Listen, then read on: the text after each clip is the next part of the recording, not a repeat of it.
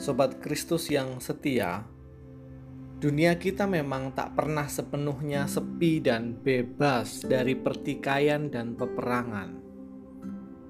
Keberadaan pandemi bahkan sama sekali tak menyurutkan letupan bara amarah, dendam, pertengkaran, pertentangan, perpisahan, dan peperangan, mulai dari rumah tangga hingga relasi antar bangsa. Jika kita menengok ke Injil Lukas pasal 12 ayat 49, ungkapan Gusti Yesus yang menyatakan bahwa aku datang untuk melemparkan api kerap kali disalahartikan, sering disalah tafsirkan dan digunakan sebagai alasan untuk membenarkan amarah, membenarkan perpecahan, pertikaian, bahkan perang atas nama Tuhan. Ayat ini sering digunakan untuk mengklaim atau menganggap bahwa Tuhan berada di pihak kita, sehingga kita pun berhak melabeli mereka yang berbeda dengan kita dengan cap sesat, dengan cap buruk, dan tak selamat. Padahal sebenarnya Gusti melemparkan api Roh Kudus api Pentakosta yang adalah cinta kasih, sukacita, damai sejahtera, kemurahan, kebaikan, kelemah lembutan, penguasaan diri, dan pengampunan. Jadi, Gusti Yesus justru melemparkan api yang menyatukan, bukan memisahkan.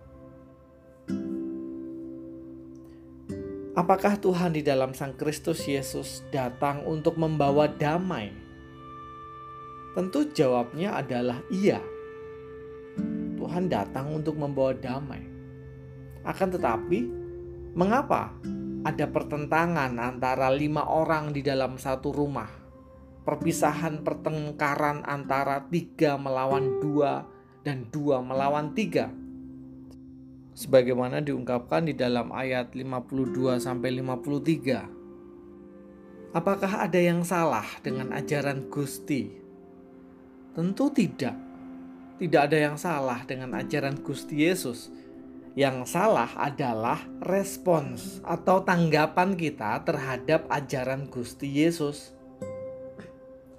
Sebab ketimbang turut melemparkan api Roh Kudus yang menyatukan, kita acap kali memilih melemparkan api Babel yang memisahkan dan memperbesar bara amarah.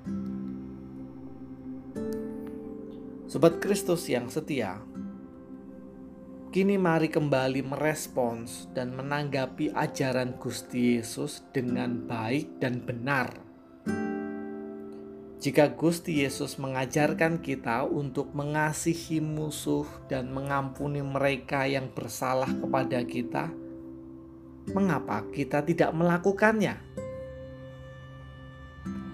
Manakala amarah dan dendam menguasai diri Anda, kendalikanlah diri Anda dengan cara sejenak berdiam dalam keheningan untuk kemudian meminta penyertaan Roh Kudus di dalam doa, pembacaan Alkitab, dan nyanyian syukur.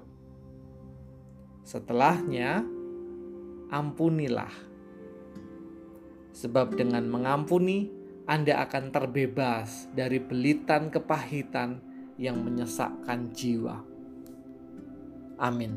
Mari kita bersama berdoa maka Tuhan sungguh mampukanlah kami untuk belajar menghidupi pengampunan di dalam keseharian. Sebab Allah Bapa di dalam Sang Kristus Yesus telah mengampuni kami lebih dulu.